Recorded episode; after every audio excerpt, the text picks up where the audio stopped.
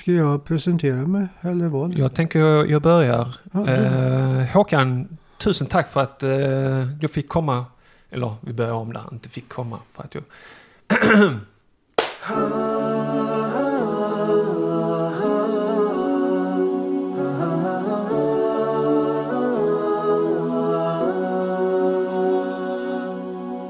Assalamu alaikum och hjärtligt välkommen till Koranpodden. Jag heter Sally och du lyssnar på poddavsnitt 97.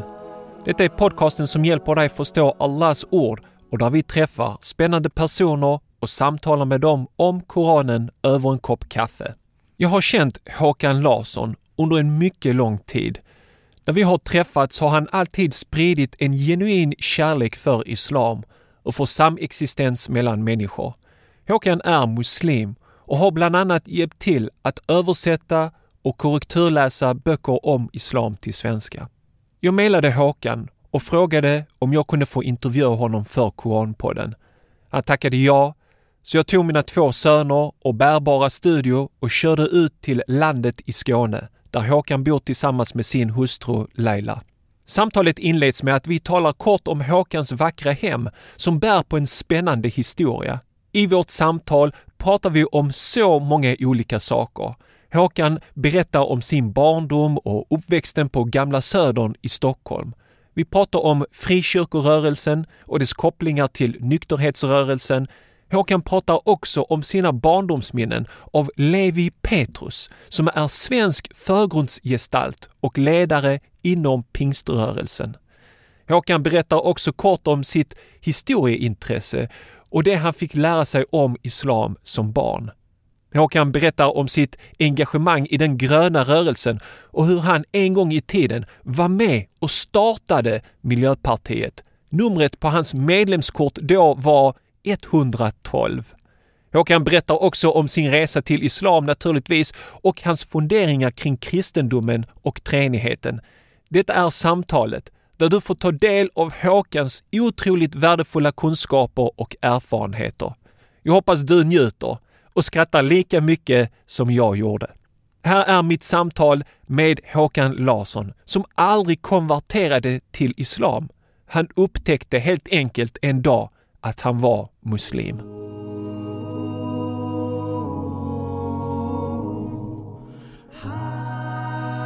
Salam alaikum Håkan. Alaikum salam, Salih.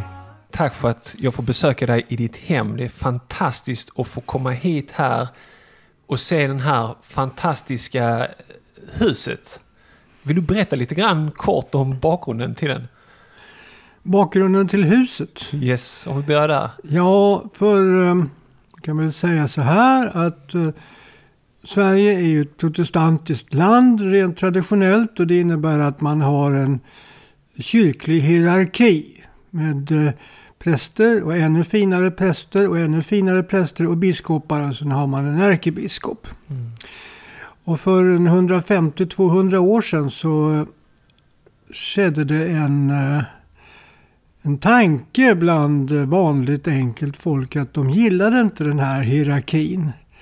De ville inte tala med Gud genom en massa eh, sändebud och få höra genom de här sändebuden vad de skulle äta och vem de skulle gifta sig med och hur de skulle göra. Utan de ville kunna resonera med Gud direkt. Och så uppstod det en rörelse som vi kallar för frikyrkorörelsen. Då, mm, och det innebär att människor samlades i gemensamma lokaler och man eh, bad tillsammans. Man åt tillsammans, man studerade andliga skrifter, Bibeln och annat. Och vem som helst fick tala. Mm. Det var inte så att en präst stod och predikade och talade om att uh, ajabaja, nu har du varit uh, en stygg gosse här. Eh, utan eh, man kunde be eh, Gud direkt om ursäkt. Ungefär som eh, säger så här, Mosa när han är tvungen att fly från Egypten, då talar han med Gud och han, han, han kommer till en oas med folk Mm. som han hjälper.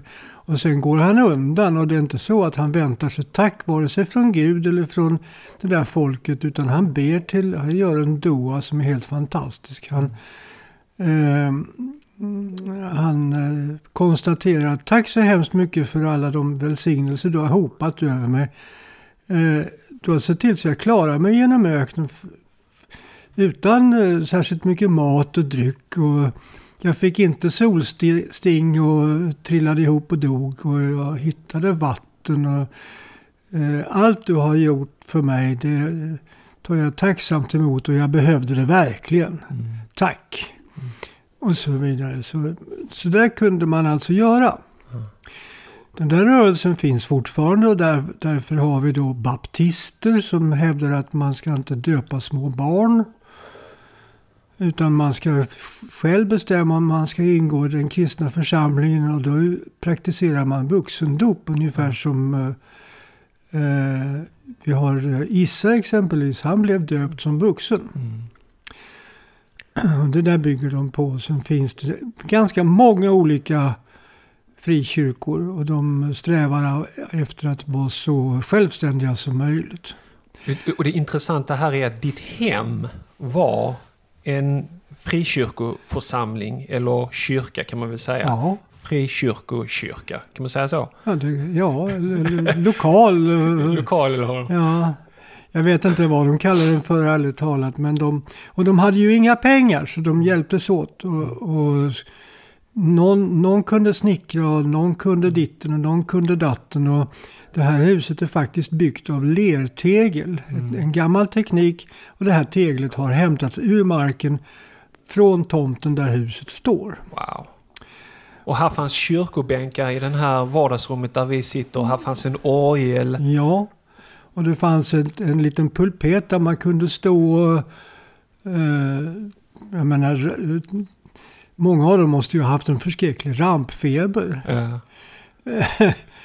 som man får om man plötsligt finner sig. Oh, nu står jag här och de tittar på mig och de är tysta. De väntar så att jag ska säga någonting åt dem och jag vet inte vad jag ska säga. Men eh, det, det där löste sig för dem. Ja, precis.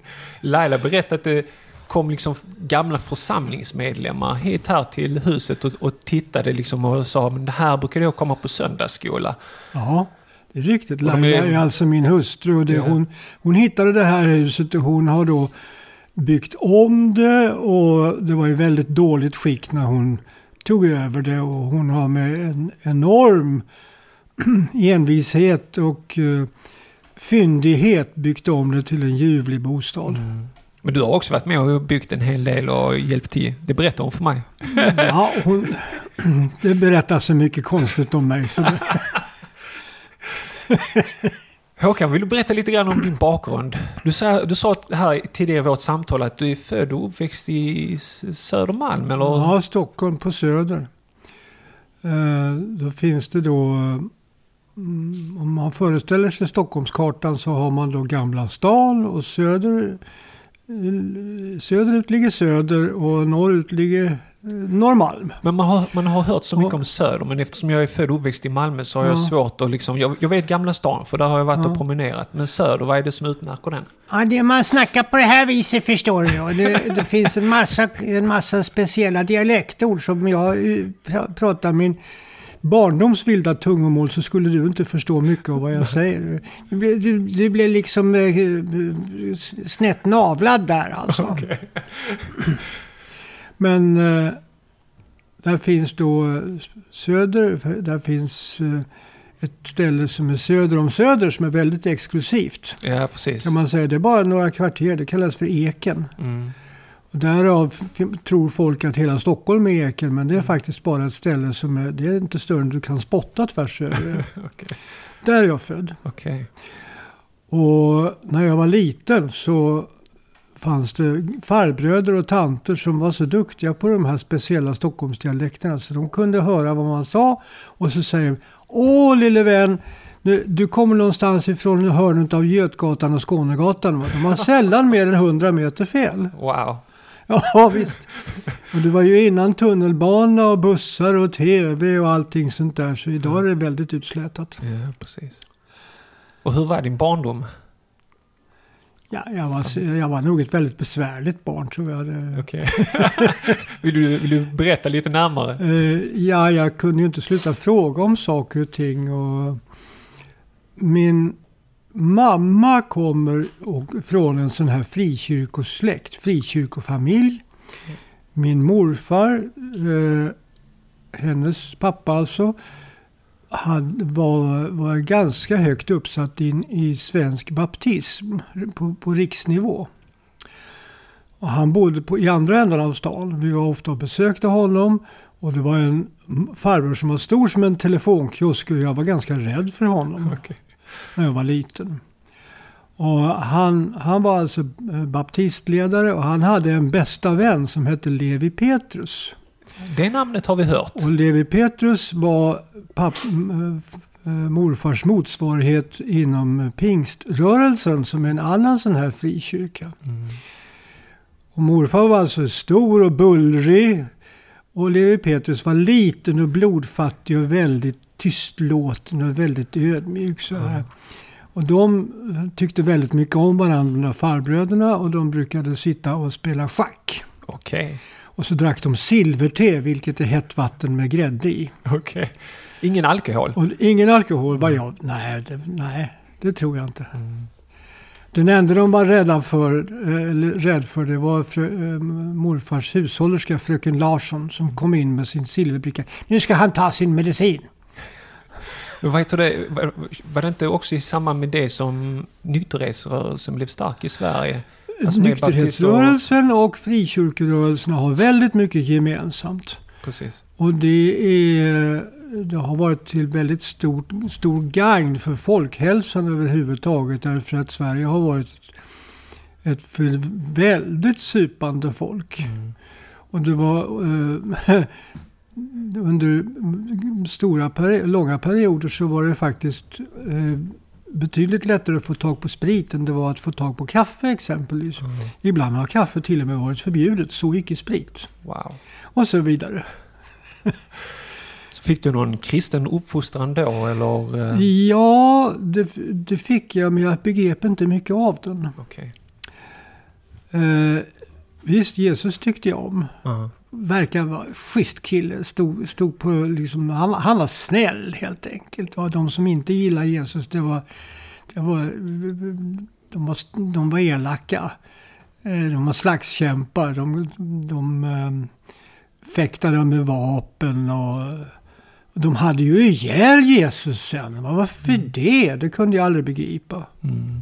Vad hade han gjort för ont? Nej, vadå?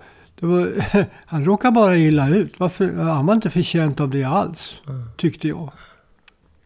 Sen i skolan då så, så fanns det ju religionsundervisning. Det är bara det att boken hette Kristendom. Mm. Observera det. Det här var 50-talet.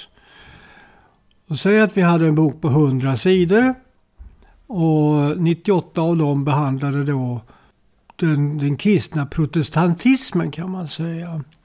Och sen fanns det två sidor där de övriga världsreligionerna skulle presenteras. Aha. Jag minns mycket väl att islam, eh, det fanns en illustration, tecknad illustration på, vid snutten om is- islam.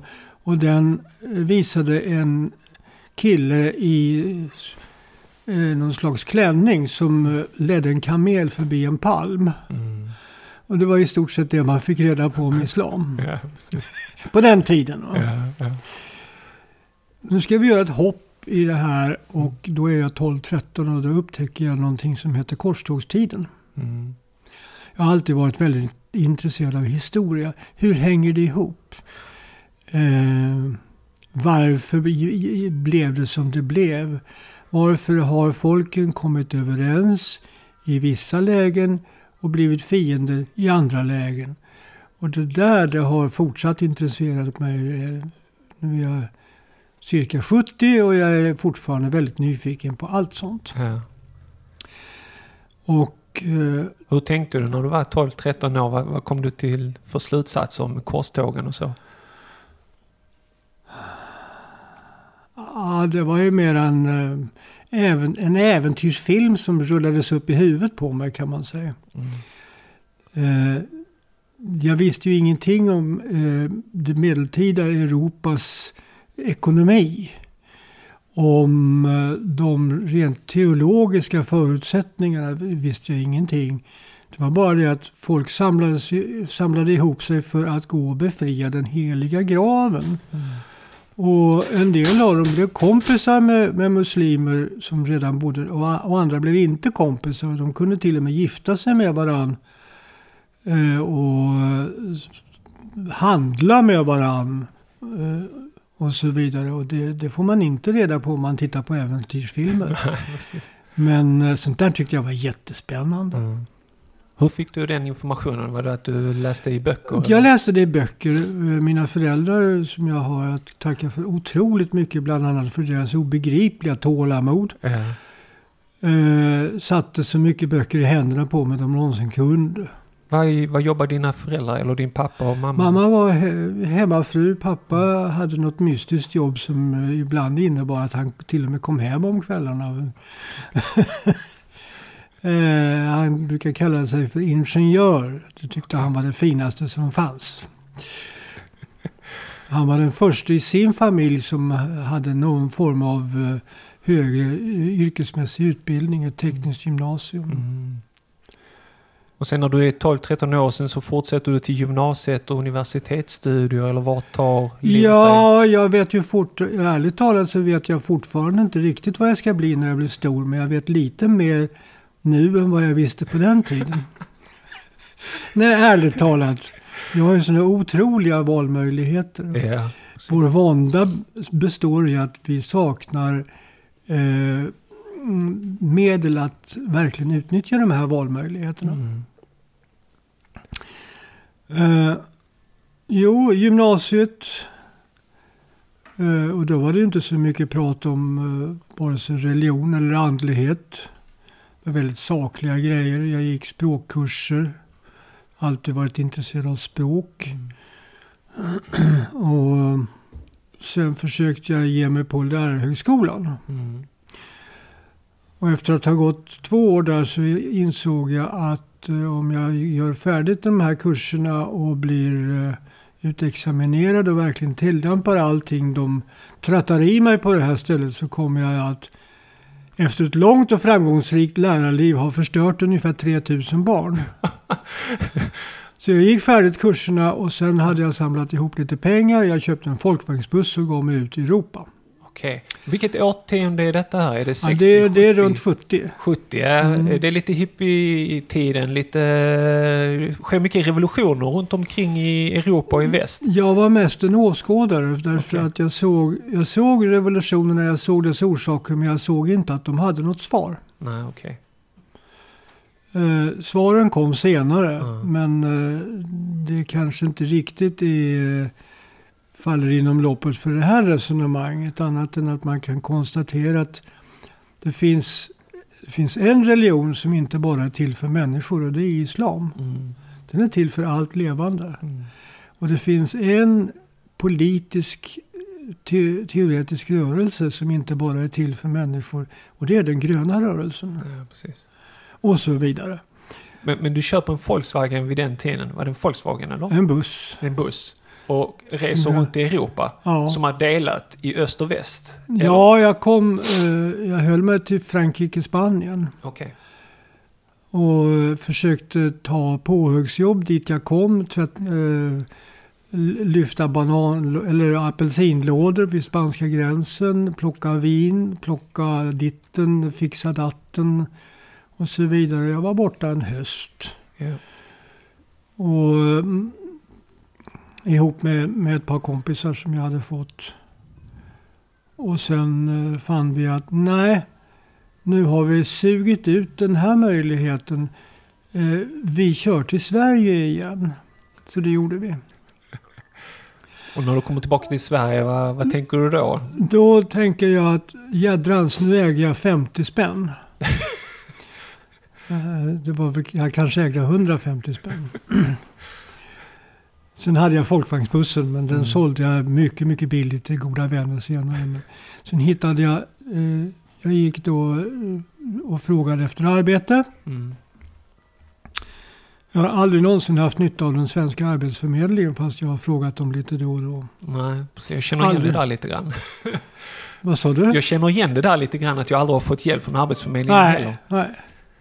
Jag är dubbel filosofi doktor. De har inte lagt två strån i kors för mig i alla fall. va, Men det är ju en annan historia. Men eh, jag hittade, jag fick ett jobb som lagerarbetare på ett eh, ganska stort företag som tillverkade hissar. Mm. Och meningen var att jag skulle hjälpa till med den årliga inventeringen där och stanna där i sex veckor. Jag blev kvar där i nästan fyra år. Wow.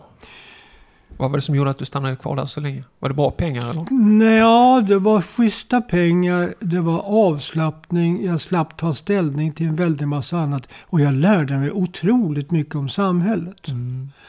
Jag lärde mig tala med an- andra människor, lyssna på andra människor, eh, tåla andra saker från, från andra människor än det jag var van vid. va. Och samtidigt bli accepterad för vissa saker jag gjorde och tillrättavisad för sak, andra saker som jag gjorde, vilket jag kunde to- tolerera. Och det är en, en väldigt viktig period i mitt liv. Mm. Därför att, att, att att kunna umgås med och ha respekt för folk som kan arbeta med sina händer, som förstår maskiner, som förstår processer. Det är ingen liten sak. Nej. När pappa var liten så, eh, eller ung, när han var 12, 13, 14 så jobbade han efter skolan på en bilverkstad. Ja. Och nu är vi tillbaka till 1930. Ja, eh, för att samla in pengar eller samla ihop pengar för att ta sig in på det tekniska gymnasiet. Och vid ett tillfälle, nu hoppar vi framåt igen, så hade pappa och jag, eh, vi hade en bil, vi hade en gammal Volvo Mm. Och, och det här är ungefär 1963-64 och eh, Volvon ska in på verkstaden och få en eh, genomgång. Och vi kör till verkstaden och utanför verkstaden så står det några killar och, och gasar och, eh, med en annan Volvo. Och motorn går inte rent, Mm. utan den hackar för dem. Och pappa går in och snackar med verkstadsägaren och sen kommer han ut och så går han fram till killarna och säger Hör ni inte att det är treans cylinder? Han kunde sina grejer. Alltså- det, går, det går inte att höra. Man måste veta det, man måste känna det. Ja, just det. Det är precis som att, att titta ut genom fönstret nu och säga att ja, om ungefär två timmar kommer det att regna. Mm. För, det, för vinden är sådan, träden böjer sig så, luften kä- doftar så. Och det finns egentligen ingenting att ta på som gör att jag vet det, men jag märker det. Jag Ja. vet det. Ja. Mm. Efter att ha bott större delen av mitt liv på landet. Sen på eftermiddagen så skulle vi tillbaka och hämta vår bil. Mm. Och då säger verkstadsägaren Hur kunde du veta att det var treans cylinder? Det kan man ju inte höra. Kan man inte så pappa såg väldigt oskyldig ut. Men han hörde det inte, han kände det. Mm. Men det var treans cylinder uppenbarligen.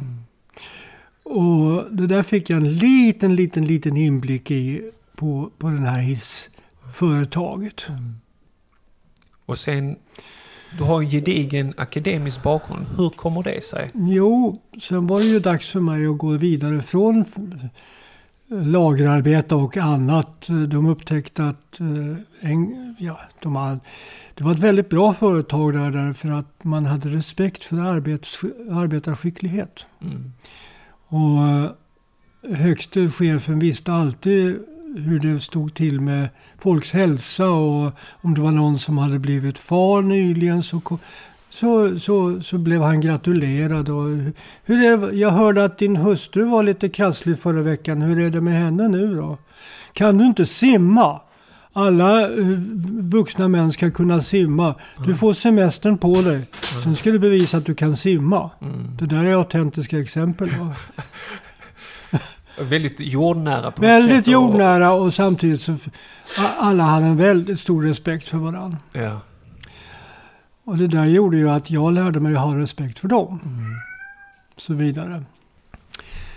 Men, du- i alla var- fall fyra år där var kanske var nog och jag hittade någonting som hette kulturhistoria på universitetsfilialen i Växjö som det hette då. Jag läste det, fick blodad tand och på den vägen är det. Mm.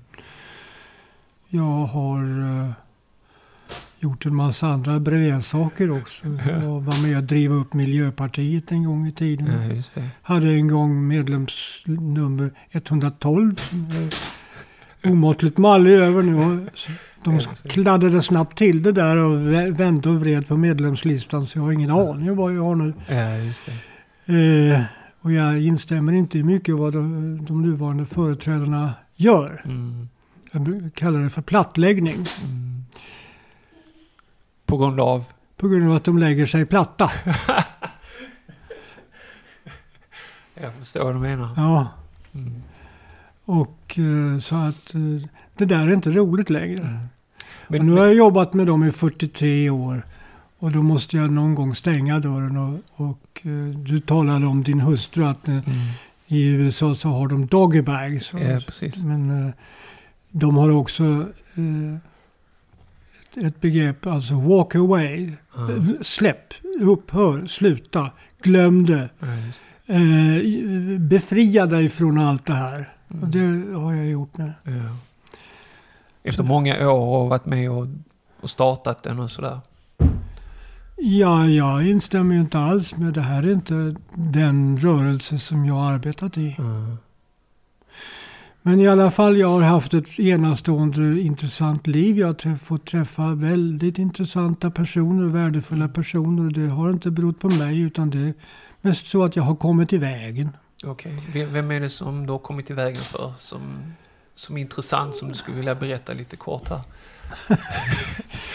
Ja, jag, mm, jag fun- 1900, vad blir det, 89 så mm, blev jag inbjuden som tolk till en stor civilförsvarskonferens uppe i Kiruna. Mm. Med, eh, och det handlade inte om någon, några militära organisationer utan det var alltså en, en ren social civil motståndsgrej. Det var naturfolken, det var eh, småfolk eh, helt enkelt och hur man kan, hur man kan utveckla ehm, Ja, civilmotstånd mot övergrepp, offentliga övergrepp eller juridiska övergrepp och så vidare. Så blev jag bjuden dit därför att där var representanter för eh, folk som inte kunde engelska. Mm. Eh, Däremot så kunde de svenska, de kunde lite annat sånt. Det var folk från östra Sibirien exempelvis som ju talade sina egna mycket, mycket märkliga tungomål. Mm. Samer som inte pratade svenska, engelska. Eh, några inuiter från Grönland och så vidare. Och tre stycken kine- hankineser som hade varit med på Himmelska fridens torg. Okej. Och jag kände mig väldigt liten och ödmjuk när jag skulle eh, to- tolka deras framträdande Ja. inför, inför plenum. Där sitter 400 människor från hela världen och ska lyssna på dem. Och så t- säger de någonting på engelska och så säger jag det här på svenska för de här samerna och så vidare. Ja, just. Just Åh, vad jag var liten då. Men bara en sån sak. Ja, precis. Stora människor som har kämpat mycket. De hade en otrolig kraft i sin pers- sina personer. Det var, det var små nätta individer. Va? Men Mm. de var väldigt... De fyllde ett rum om de kom in där. Förstår du vad jag menar? Va? Mm. Deras närvaro. Mm. Hur... Eh, jag tänker på den religiösa biten, tron och så. Mm. Hur upptäckte du islam? Jag var sjuk.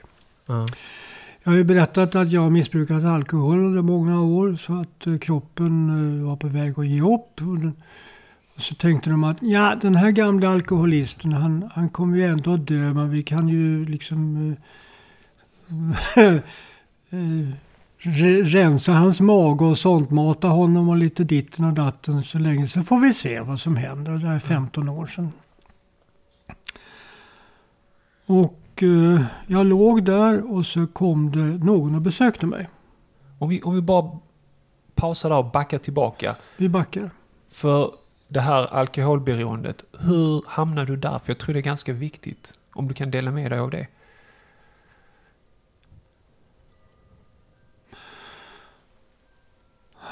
Ja, alltså alkohol har aldrig förekommit i min släkt eh, med ett enda undantag och det är en morbror Mm. Som var begiven på whisky. Jag kände honom inte speciellt mycket men han var eh, väldigt uppskattad eh, jazzmusiker, spelade kontrabas. Ja. Han blev inte särskilt gammal. Anders. Men det är den enda som jag vet överhuvudtaget som har eh, missbrukat alkohol. Och så jag. Eh, jag skulle vilja säga att eh, det var rent slarv. Mm. Och eh, någon form av eh, ångestreaktion på, på någonting. Jag kunde sköta mitt jobb. Jag kunde, eh, jag kunde köra bil. Jag såg ju oerhört väl upp när jag var när jag kunde packa mig och när jag måste hålla mig klar och, Ja. och så vidare för att eh, sköta det offentliga. Ja. Men eh, det gick åt åtskilliga tankbåtar med, med, med alkohol. Vin. Ja. Sprit har aldrig varit min grej. Eh, ner i den här stackars kroppen då. Mm. Och jag har gjort väldigt mycket vin själv. Äppelvin och liknande. Det är ganska enkelt faktiskt. Mm. Man, man, man hamnar i en ond cirkel kan man säga. Mm. Så säger man, ja jag kan lägga av när jag vill. Nej, det kan man inte. Man måste ha en, någon form av väldigt stark knuff. För att eh, det här ska bli verklighet. För Mm. att eh, kasta om livet till en, en ny kurs. Eh, och det är jag välsignad nog med att ha fått eh, uppleva. Ja. Men så ligger du där... Det är väldigt sent på natten. ja. Och saken är den att jag har ju alltid älskat katter. Ja. Och jag ligger i dvala. Och så känner jag hur en katt kommer gående på täcket. Just det. Och katten tar sig runt fotänden på sängen och går upp längs högersidan och där finns en stol för besökare med en filt som är skrynklig. Och jag märker hur katten hoppar över till stolen. Och då gör jag någon slags eh, svag eh, trevande försök att rätta till filten. Så att, eh, så att det ska, och då, då hör, känner jag hur besökaren säger eh, mm, Ansträng dig inte, jag har det utmärkt bekvämt, tack. Så katten talar. Ja, men det var ju ingen katt. Det var ju en ängel Ah, som antog skepnaden av en katt för att inte skrämma mig. Just Jag det. såg ingenting. ah. Mina ögon var hela tiden slutna, men ändå var jag medveten om rummet runt mig. Var någonstans fysiskt låg du någonstans? I, i Lund, Okej. På sjukhuset då? Ja. eller? Okej. det är riktigt. Och jag har berättat lite grann om det här. Jag känner igen det faktiskt. Lite grann den här berättelsen. Ja, det, det är möjligt att, att det är så det går till. Men Så, det var så jag uppfattade det i alla fall. Och, och jösses, näst, och, och sen, var, sen var katten borta. Mm. Jag, jag kände hur en, en, ett lugn spred sig, en förnöjsamhet spred sig. Mm. Och, och, kunde, och, och sen sov jag Ja. lugnt och stilla. Och sen nästa natt så började jag, oh jag längtade så vansinnigt efter den här katten. Kom Ja. aldrig tillbaka. Nej. Skulle checka upp mig på något vis. Ja. Jag vet inte varför men det... Ja. Är det där på något sätt eh, du möter det metafysiska eller tron på något sätt? ja, det, det var ett väldigt viktigt steg. Ja. Jag sitter och funderar på, fanns det någonting dessförinnan som gjorde att jag skulle ha lutat mig mot islam? Nej, Inte annat än att när man är 17, 18, 19, 20 i, i västvärlden så tittar man på olika religioner. Man kollar in buddhismen, man kollar in zen, man kollar in eh, Nordamerikas indianer som har ganska mycket att säga. Absolut. Faktiskt. Och eh, jag tror att många av dem hade haft eh, ytterst nöjsamt att sitta och prata med profeten, frid vare med honom. Ja. I varje fall lite folk som jag har träffat. Eh, Men jag hittade aldrig någonting som kändes naturligt. Och kristendomen har alltid varit märklig för mig. Vad sjutton är den här treenigheten? Gud, eh, alltså Fadern, Sonen och den heliga Ande. Fadern, ja. Sonen, ja. Fysisk son till Gud. Ja. Frågetecken, frågetecken. Heliga Ande. Hundra frågetecken. ja. Vad är det? Och alla tre är ett på ett mystiskt sätt. På ett mystiskt, på ett metafysiskt sätt. Och det kan jag också förstå i och för sig. Ja.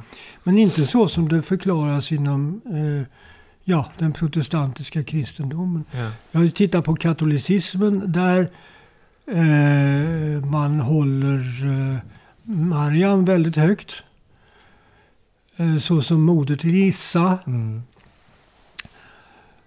Men det fanns ingenting som egentligen kunde förvarnat mig om att jag upptäckte att, att, jag, skulle, att jag faktiskt är muslim. Ja.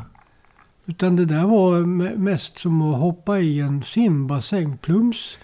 Och det där vattnet har en perfekt styrka och, eller, och eh, bärighet och temperatur och jag mår bara bra av att vara där. Så, så från, de, från den här upplevelsen av den här ängen, Ja. längre fram i ditt liv, hur möter du islam då?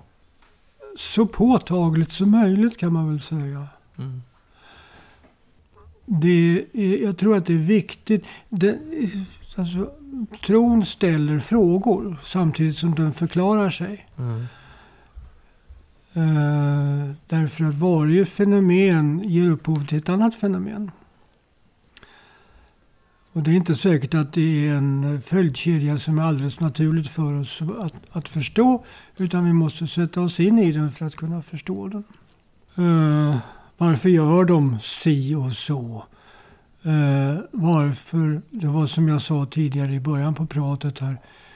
Uh, just his, intresset för historia. Varför går det bra ibland när folk möts och varför går det så gräsligt illa ibland när, Mm när andra möts? Det där har jag studerat rätt mycket och försökt hitta någon form av gemensam nämnare eller, eller funktion. Mm. Och jag har inte hittat någon annat än att i många fall så är det en rent personlighetsmässig fråga. Det, eh, man möts från de olika ståndpunkterna och så klickar det ihop. Ja, dig förstår jag, dig kan jag snacka med. Ja, just det. Det personliga Bra, mötet. då bråkar vi inte. Mm. Ett exempel det är ju, exempel, det är ju alltså eh, när eh, den indiska subkontinenten frigjorde sig från det engelska kolonialstyret. Mm. Eh, då skapades tre länder, eller två länder egentligen. Du har den indiska federationen som det egentligen är och sen har du då Pakistan Mm. som så småningom föll samman i Öst och Västpakistan. Mm. Och Gandhi eh, talade gärna med den pakistanske eh, muslimske ledaren eh, Jinnah. Eh, och det var därför han blev skjuten för övrigt, mördad. precis. Han, för att man sitter fan inte ner och pratar med fienden. Ja vadå? Han, Gandhi hade inga fiender. Precis. Det var därför de inte kunde komma åt honom. Ja. Inte sant? Han har sagt så här att först, först så nonchalerar de dig, sen slår de på dig, sen sätter de dig i fängelse, sen vinner du. Det är ett Det, citat, från, ligger, ja, det ligger någonting i det är det. ett citat från Gandhi. Och det kallas för satyagraha. Mm. Det där konstruerade han eller han, han är ju född i, i Sydafrika. Ja, precis. Vilket inte många Mm. tänker på. Mm. Och han var utbildad civilrättsadvokat. Och han studerade den, eh, eh, egentligen eh, buddhistiska eh, läran om icke-våld. Mm. Ahimsa. Och eh, mm, försökte räkna ut hur kan man tillämpa detta i den moderna världen, det vill säga 1905-1906.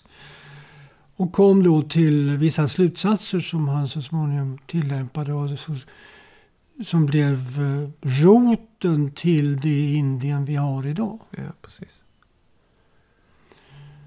Allt det där är ju en följdkedja men det är inte säkert att den är i våra ögon logisk. Ja. Logiken är ma- matematisk.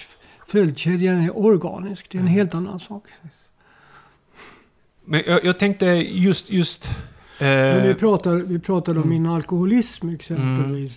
Det är också väldigt viktigt att veta att en eh, fanns en eh, tysk filosof. Eh, det är möjligt att jag blandar ihop dem nu för alla tyskar är filosofer. eh, som hette Ludwig Wittgenstein och han sa en dörr har bara två lägen. mm, Antingen är den öppen eller också är den stängd. mm, Ska man låta bli någonting då måste man ha den dörren stängd. det. Det, finns, det får inte finnas någon som helst möjlighet att öppna den. Hur stark dragningen än är så, så får man inte öppna den för då kommer allting tillbaka. Mm, Sen kan man inte stänga den igen. mm, Och Det är väldigt, väldigt viktigt att hålla reda på det. Och Så det- att om du exempelvis... Om du upp... Alltså, mus, islam för mig var en upptäckt. Det var, det var, ingen, eh, det var inget beslut. Eh, utan... Aha, hmm, jag är ju muslim. Schysst! Då fattar jag. Wow! Då kan jag gå vidare härifrån. Och det är det jag försöker göra. Men eh, jag, jag tänkte på det här, kom du i kontakt med muslimer som förklarade den muslimska tron eller läste du till dig det eller hur? Jag har läst 95 procent kan man säga. Jag känner mig väldigt... Jag bor här ute på landet och allting är, är en gåva från Gud. Men ändå känner jag mig väldigt ensam som muslim. Ja. Eh, för mm, i september, det är alltså åtta månader sedan, så skadade jag ryggen ganska illa och jag lyfte fel. Mm. Jag, slarvade. Och det tog ett tag innan jag kom på benen. Mm. Det kanske du har sett om du, de gånger vi har träffats under våren så har jag gått med kryckor. ja, precis. Och överhuvudtaget att ta sig ur sängen, eh, gå på toaletten, fixa kryckor och så vidare. Och så vidare. Varje sån sak var en enorm seger. Ja. Och det är andra gången jag gör det här. Mm. Första gången eh, 1998.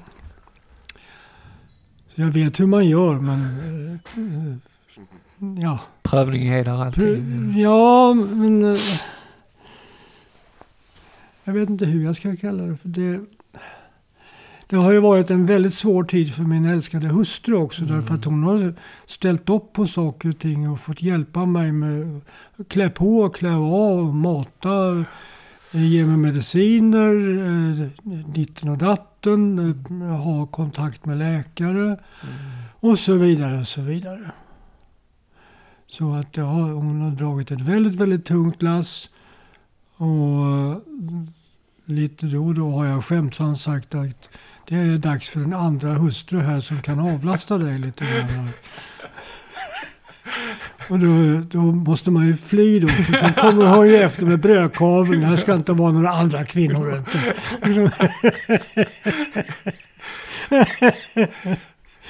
Jag, jag tänker på dina tankar om den islamiska tron. Mm. Vad är det för någonting som, som, som du tycker eh, tilltalar dig vad gäller den muslimska tron och det som du har upptäckt? Ja, det finns mycket. Och det, det, det är ju naturligtvis olika faktorer. Dels så har du det som jag brukar tänka på som den... Om du ska upp i himlen så behöver du en trestegsraket. Mm. Men första steget, vad är det? Det får du förklara för mig. Nej, just det. Nej, men eh, det, det där nej, men det talar ju profeten själv om egentligen. Ja. Mm. Frid vare med honom. Och hans, jo, eh, vad håller sig judarna till? Mm. De håller sig till Torah. Det är det första steget. Mm. Och sen kommer Issa med det nya förbundet. Precis. Det är det andra steget. Sen kommer det tredje steget, Mm. Boff, Islam. Mm. Och då är du, sen, sen kan du gå i omloppsbana. Mm. fin bild. Rätt påtagligt va? Ja, precis, precis. Ja. Det, det, det räcker inte bara med, med en laddning utan du måste gå igenom de där stegen för att Mm. förstå vad det handlar om. Mm. Eh, jag tycker väldigt mycket om eh, eh, den muslimska eh, samhällsordningen. Så som, så som den är uppfattad från början. Sen att det har kommit en massa människor som har kladdat ner den. Ja. Det är ju bara att, ett, ett tråkigt historiskt faktum. Någon har sagt att om muslimerna hade kunnat hålla sams sinsemellan så hade de placerat en man på månen ungefär år 1400. ja, just det. Och fanken vet om inte det är sant. Nej, Jag menar, när du kan läsa i Koranen om hur det mänskliga fostret utvecklas. De tre stadierna i, eller skikten i mullbärsstadiet, då är fostret ungefär en vecka gammalt, eller två, vad det nu är. Ja, hur i all sin dar vet man det? Ja, precis. Hur visste de det eh, då under förkunnelsetiden? Mm. Ja, det, det, går, det går inte att förklara annat än genom eh, metafysiska medel. Mm. Mm, på 1660-talet så gav den västerländska läkarvetenskapen upp en gammal tanke från en grekisk läkare som heter Galenos. Mm. Och han visste ju om att om du tar hål på en kille så rinner det ut en röd soppa, det är blod och sen dör killen. Ja. Men, det, men däremot så det har, inte att, har ingenting att göra med, med, med, med luften man andas. Men om man drar in luft i lungorna så får man en, en effekt. Mm. Så att Galenos eh, antog att det fanns ett system med luftådror i kroppen som bar iväg på det där livgivande som luften hade som vi idag vet är syre ja, det. eh, till eh, atomerna och grunkorna i, i kroppen. Men han kunde aldrig hitta dem för du, jag menar, du kan inte se luft. Nej. Men detta trodde den västerländska vetenskapen fram till ungefär 1660. Då motbevisades det. Mm. Men sådana nitar har islam aldrig gått på. Nej, Alltså, det här låter ju nästan lite eh, skämtsamt, men jag Mm. menar allvar. Eh, Systemet är mycket mer ändamålsenligt. ja. Och så plus det här att vi... Eh, islam säger uttryckligen att människan är eh, ställd på jorden av Gud, av Allah. Eh, som eh, vårdnadshavare av hans skapelse. Och det är för mig personligen någonting oerhört viktigt. Mm. Vi har inte rätt att förfara med den här skapelsen eh, eh, precis som vi vill utan vi måste så, vi ska följa hans plan. Annars så går det åt dykaren. Mm. Det, är där, Det det, här kan jag tala mycket om så det ska vi sluta prata om. Men, är det ditt miljöengagemang också och det där med islam. På arabiska är det khalifa. Som, som man ska ta hand om Guds skapelse så att säga. Det är ett ansvar som han har. det är fruktansvärt viktigt. Mm. Det, det är centralt. Mm. Och det, där, och det innebär ju också att man tar hand om varandra i det mänskliga samhället. Mm. Det finns ju de politiker som säger att eh, islam och svensk kultur eller tradition inte går ihop. Alltså att det är väsensfrämmande. Hur ser du på det själv? Jag ser att det är en tanke som eh, kan... Eh, ja, ma- det, det är folk som inte har satt sig in i vad de olika kulturerna innebär som kan tänka på det viset. Mm. Skandinavien och islam har ju haft eh, starka förbindelser eh, i princip under ja, nästan sedan de rättledda kalifernas tid. Mm. I och med handelsvägar och så vidare. Det vet man på grund av saker och ting som man har hittat. Mynt. Precis. Eh, de uppfattades som, som vackra eh, av handelsmännen och användes då inte som handelsvaror utan de användes faktiskt rätt mycket som smycken och, och liknande. Va? Till exempel, Mm. vad som hände under den så kallade medeltiden vet jag inte mycket om. Men från, från och med den svenska kungen Karl XII vet jag en hel del. Ja. Och det är ju det är ju inte något konstigt. Det här vet vi därför att det finns dokumenterat i en förskräcklig massa svenska historiska arkiv. Ja.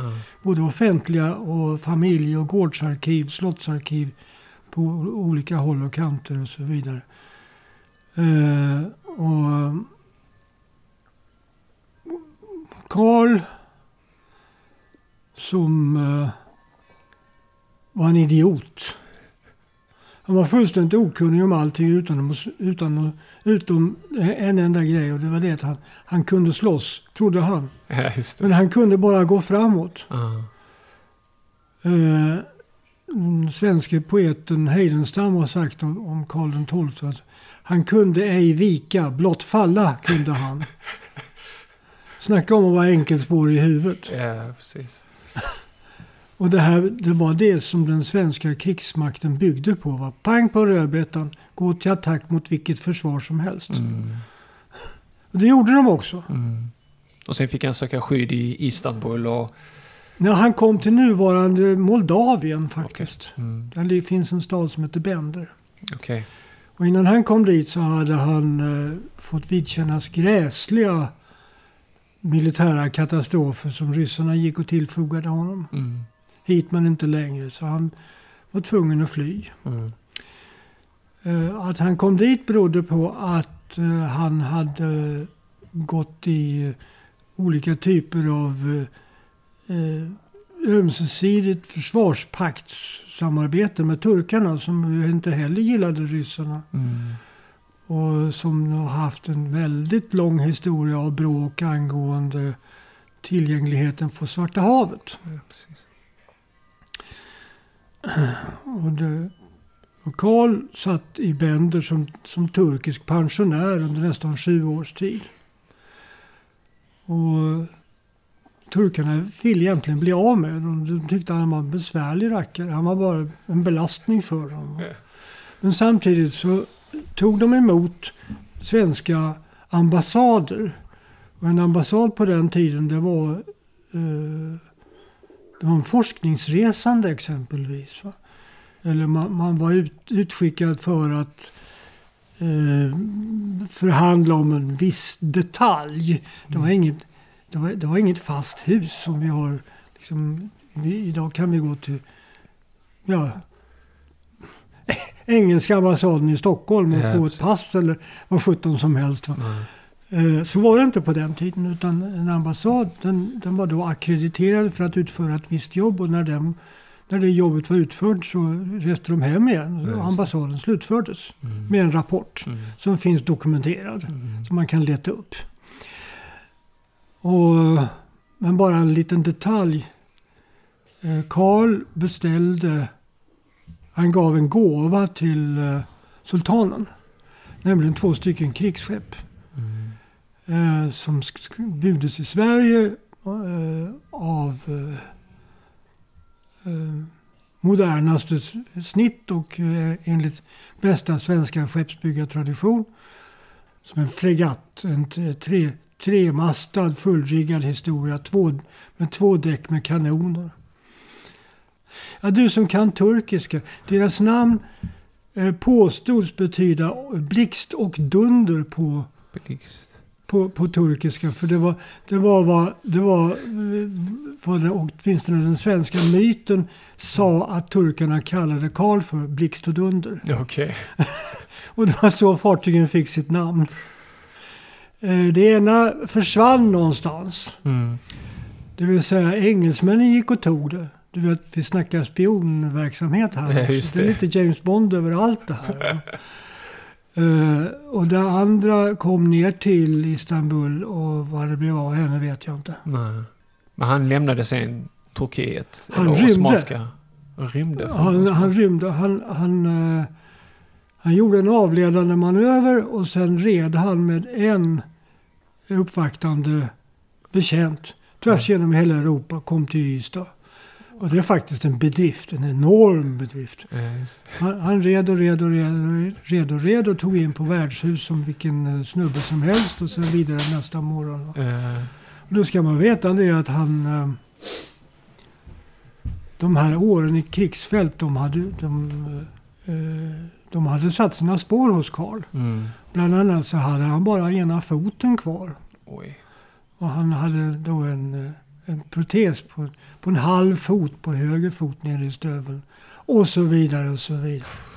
Så att han var rätt illa åtgången och så red han tvärs genom hela Europa. Utan att bli upptäckt. Det är en bedrift. Utan att bli upptäckt dessutom. Ja. Och ty, eh, eh, ryssarna visste att han, att han var på väg. Mm. De hade ju sitt kontraspionage. Och de försökte fånga honom flera gånger men han klarade sig. Mm. Fantastiskt. Hur sjutton kom vi in på det här nu då? Ja, ja, Historia är fascinerande. ja, ja det är hysteriskt roligt Ja. alltså. Men jag tror vi kom in på det genom min fråga om det här med islam och eh, svenskhet. Svenskheten, ja alltså. Det finns- Vi har ju som- aldrig någonsin haft en svenskhet så som eh, de nuvarande fascisterna tror. Mm. och, och gärna vill skapa en myt om att, att vi har haft en sån. Det, det har aldrig existerat. Däremot så har det ju existerat olika seder och bruk i olika landsändar. Mm. Och Sverige har inte alltid haft de politiska gränser vi har, vi har idag. De fick vi, ja, mitten på 1700-talet kan man säga. Uh, ge och ta några årtionden Mm. det, det svenska har utbildats, inte inifrån, utan ständigt och jämt och hela tiden genom impulser utifrån. Mm. Det har, eh, och det där har haft väldigt mycket att göra med vad, som, vad överklassen har ansett vara fint, Mm. inom citattecken. Vad, vad, vad tycker hovet är fint? Vi har haft exempelvis monarker som inte har kunnat någon svenska för de har varit tyskar. Ja, just det. Ja. De har, inte, de har, inte, de har aldrig lärt sig svenska. Bernadotte är ju inte direkt... Han, han lärde sig svenska väldigt fort. Ja. Men det gjorde inte hans fru Josefin. Hon, hon trivdes aldrig här. Det var kallt Nej. och det var, det var barbariskt och slottet var fult. Och, uh, usch, maten var äcklig och nej, det var ingen Stackars- roligt. Stackars tjej, ja, Ja, precis. Men eh, Bernadotte var ju en, en eh, enastående organisatör. Mm. Och det var därför han fick jobbet. Precis. Eller blev erbjuden jobbet. Mm. Och hans släkt, eh, du vet han kom ju upp som, eh, som en Napoleon-soldat, marskalk. Mm. Det, men han hade ju inte bara krut och kulor i huvudet utan han hade ju rätt mycket annat i huvudet också. Mm. Och Napoleon belönade honom faktiskt med ett italienskt furstendöme. Ponte Corvo. Ja. Eh, som numera tros betyda eh, korpen på bron. Ja. Och om man tittar riktigt noga i det stora svenska riksvapnet så finns det en lit. Den är fullt av rutor med olika symboler i. Mm. Och en av dessa rutor visar en trevalvsbro med en korp som tittar åt vänster. Och det, Mm. hade, det är symbolen för staden Ponte Corvo. Nu är det det att från början så hette stan Ponte Corvo men det är en förvrängning av, av eh, lat, latinets Ponte Curvata. Aha. Den krökta bron. Okej. Romarna byggde en bro men topografin gjorde att de var tvungna att böja den. Och, Därmed och sen, krökt. och där krökta bron och sen blev det Ponte Corvo. liksom. Bara en sån sak. Ja. Jag menar det är ju värdelöst vetande nummer X va? men det är kul. Det är, det är detaljerna som, som gör Ja. livet... Så eh, att ibland har det varit, eh, så har Tyskland varit föredöme. Ibland har eh, England varit föredöme. Vi har alltid importerat eh, eh, e- engelska skeppsbyggare exempelvis. mm. Så, så det där med svenskhet, en autentisk svenskhet. Det är en potatissoppa. Ja. Det är hänt i veckan. Det är morötter, det är potatis, det är palsternackor, det är you name it. Mm. Ibland är det franska grejer, ibland är det tyska grejer. Och idag är Eh, det falafel. Och idag är det falafel, ja. Precis. Eh, min, den första i min mors släkt som vi överhuvudtaget känner till, han var vallon. Mm. Det vill säga han var belgare. Ja, precis. Och vad gjorde han i Sverige? Jo, han blev, han blev uppköpt av svenska staten. Därför att han var expert på eh, att forsla upp vatten ur gruvor. Vallonerna var världsledande på detta. Varför var det viktigt för Sverige? Jo, de skulle... Det här, nu pratar vi ungefär 1640. 1642 kom den här killen till Sverige. Mm. Och han fick genast jobb på, i silvergruvorna. Och silvergruvorna behövdes för att bekosta de svenska krigsansträngningarna.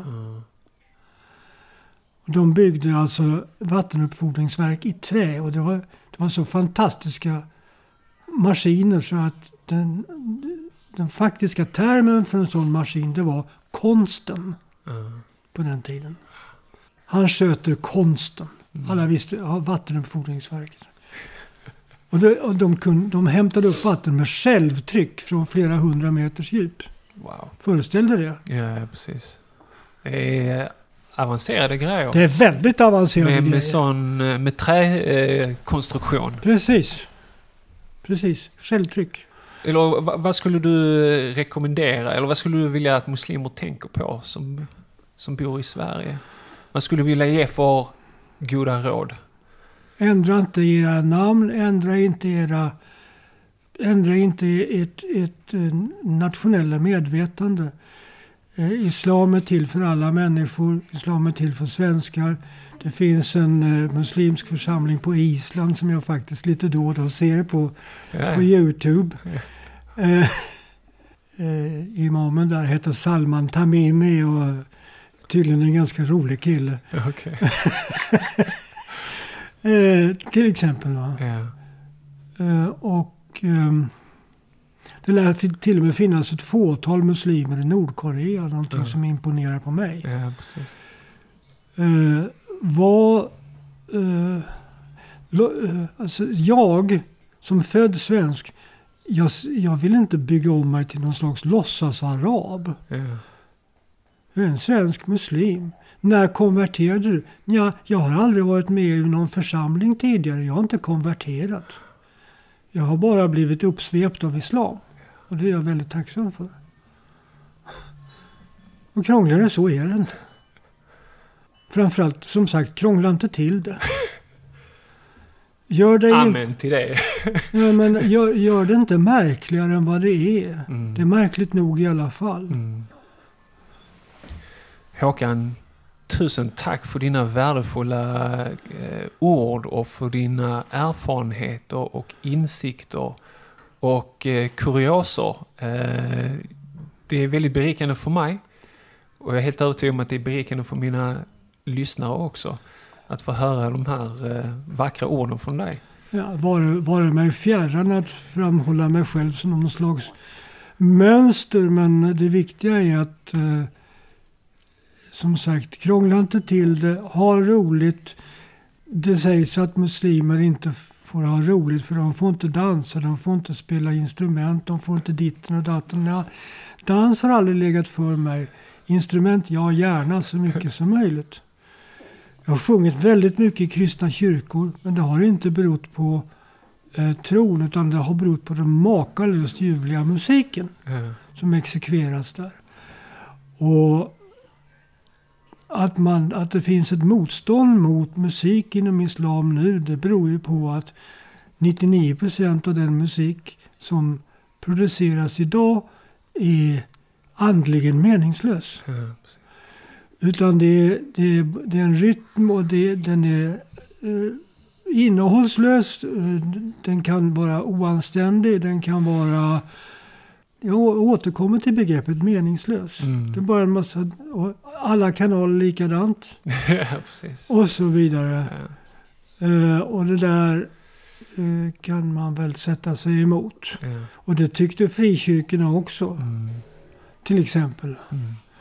Däremot, det står ju då att det enda musikinstrument som är tillåtet är en liten trumma som heter duff. Ja, precis, precis. Eh, ja, det beror ju på hur. Alltså, det, det onda ligger ju inte i instrumentet. Det beror på i vilket ändamål det spelas. Ja, precis.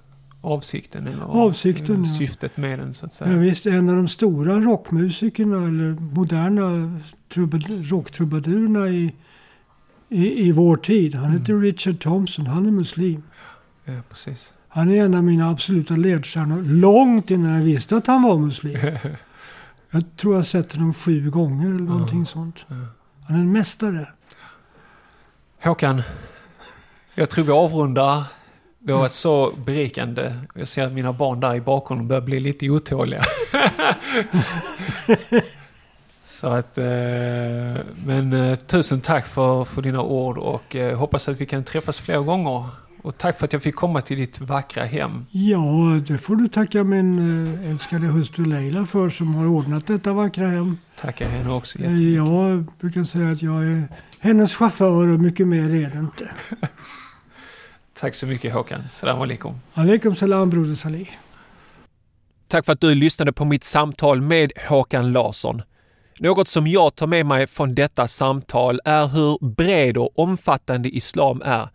Du behöver inte vara någon som du inte är för att vara muslim. Vi tillhör olika folk och nationer. Vi har våra olika seder och bruk och dessa kan vi behålla så länge de inte strider mot Guds ord och vara muslim på vårt unika sätt. Om du har frågor eller funderingar om innehållet i mitt samtal med Håkan Larsson är du välkommen att lämna en kommentar direkt på Koranpoddens hemsida. Gå in på koranpodden.se 97 och lämna din kommentar längst ner på sidan. I nästa veckas avsnitt får du lyssna på min intervju med frilansjournalisten Axel Kronholm som tillsammans med en vän driver bland annat Asienpodden. Jag träffade Axel i Göteborg och här kommer ett kort utdrag från den intervjun och gifte in sig i samhället. De flesta var ju män. Så de gifte sig med lokala kvinnor och de eh, integrerades på sikt och sådär. Så att eh, muslimer har ju funnits i Burma långt innan det ens blev ett eget land. Så, så de har ju en väldigt lång historia där. Men de börjar nu känna ett eh, ökat tryck eh, av islamofobi och av också en stat som blir mer och mer negativt inställd mot dem. Missa inte intervjun med frilansjournalisten Axel Kronholm nu på måndag inshallah. Vill du göra mig en tjänst och dela detta poddavsnitt med någon som du vet behöver lyssna på Håkan Larssons resa till islam? Klicka på dela-knappen i din poddspelare eller dela helt enkelt länken till detta poddavsnitt via ett sms. koranpodden.se 97 Tack för att du delar och gör det möjligt för många fler att bli inspirerade av Håkan Larssons livsberättelse. Följ oss på Facebook och Instagram för inspirerande och upplyftande korancitat under hela veckan. Vill du komma i kontakt med mig så gör du det lättast genom att mejla mig på hej koranpodden.se. Det återstår bara för mig att önska dig en härlig vecka. Tack för att just du lyssnar på Koranpodden. Vi hörs igen nästa vecka på måndag inshallah. Ta hand om dig tills dess. السلام عليكم ورحمة الله وبركاته.